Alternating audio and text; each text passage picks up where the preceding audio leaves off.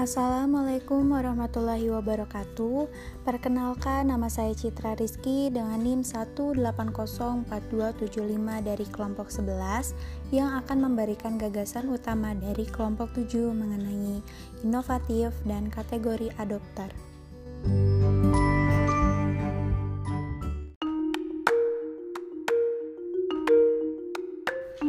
pertama ada klasifikasi kategori adopter atas dasar keinovatifan.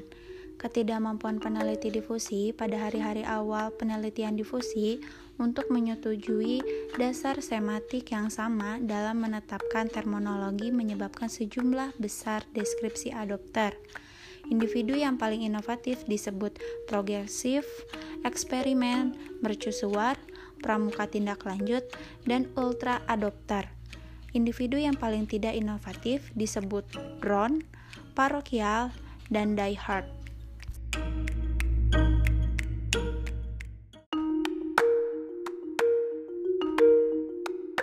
Yang kedua ada metode kategori adopter. Seorang peneliti yang mencari standarisasi kategori adopter menghadapi tiga masalah.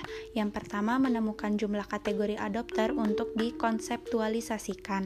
Yang kedua, memutuskan porsi anggota sistem untuk dimasukkan dalam setiap kategori. Yang ketiga, yaitu menentukan metode, statistik, atau sebaliknya, mendefinisikan kategori pengadopsi.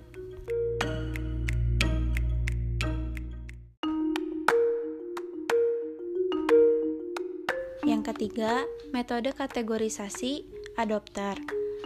Sebelum menjelaskan metode yang diusulkan kategori adopter, penting untuk menentukan karakteristik yang harus dimiliki seperangkat kategori. Idealnya, kategori harus yang pertama itu lengkap, yang kedua saling eksklusif, dan yang terakhir yaitu berasal dari satu prinsip klasifikasi.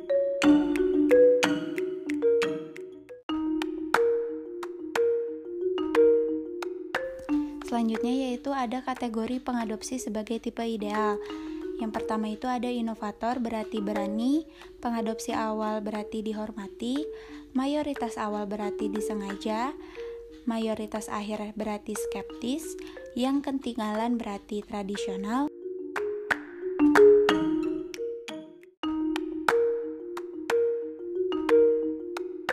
Selanjutnya yaitu ada karakteristik kategori adopter. Yang pertama itu ada status sosial ekonomi. Pengadopsi sebelumnya lebih cenderung memiliki orientasi ekonomi komersial daripada subsisten daripada pengadopsi kemudian.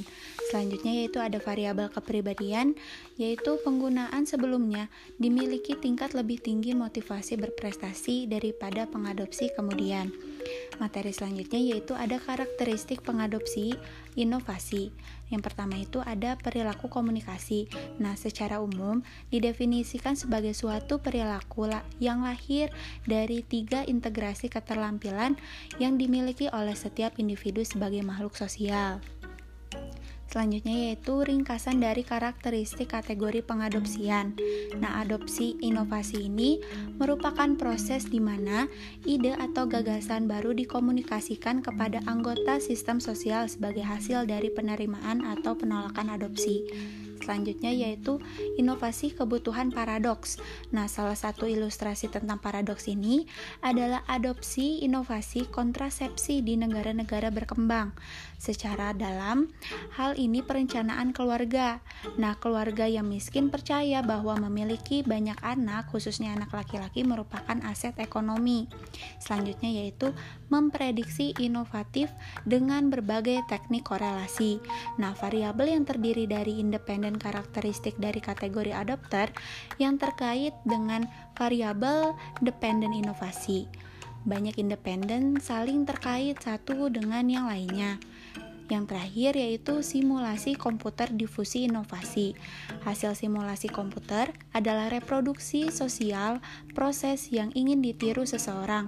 Apabila proses simulasi tidak sesuai dengan data realitasnya, maka diperlukan penyesuaian model atau serangkaian aturan yang mengatur proses yang disimulasikan.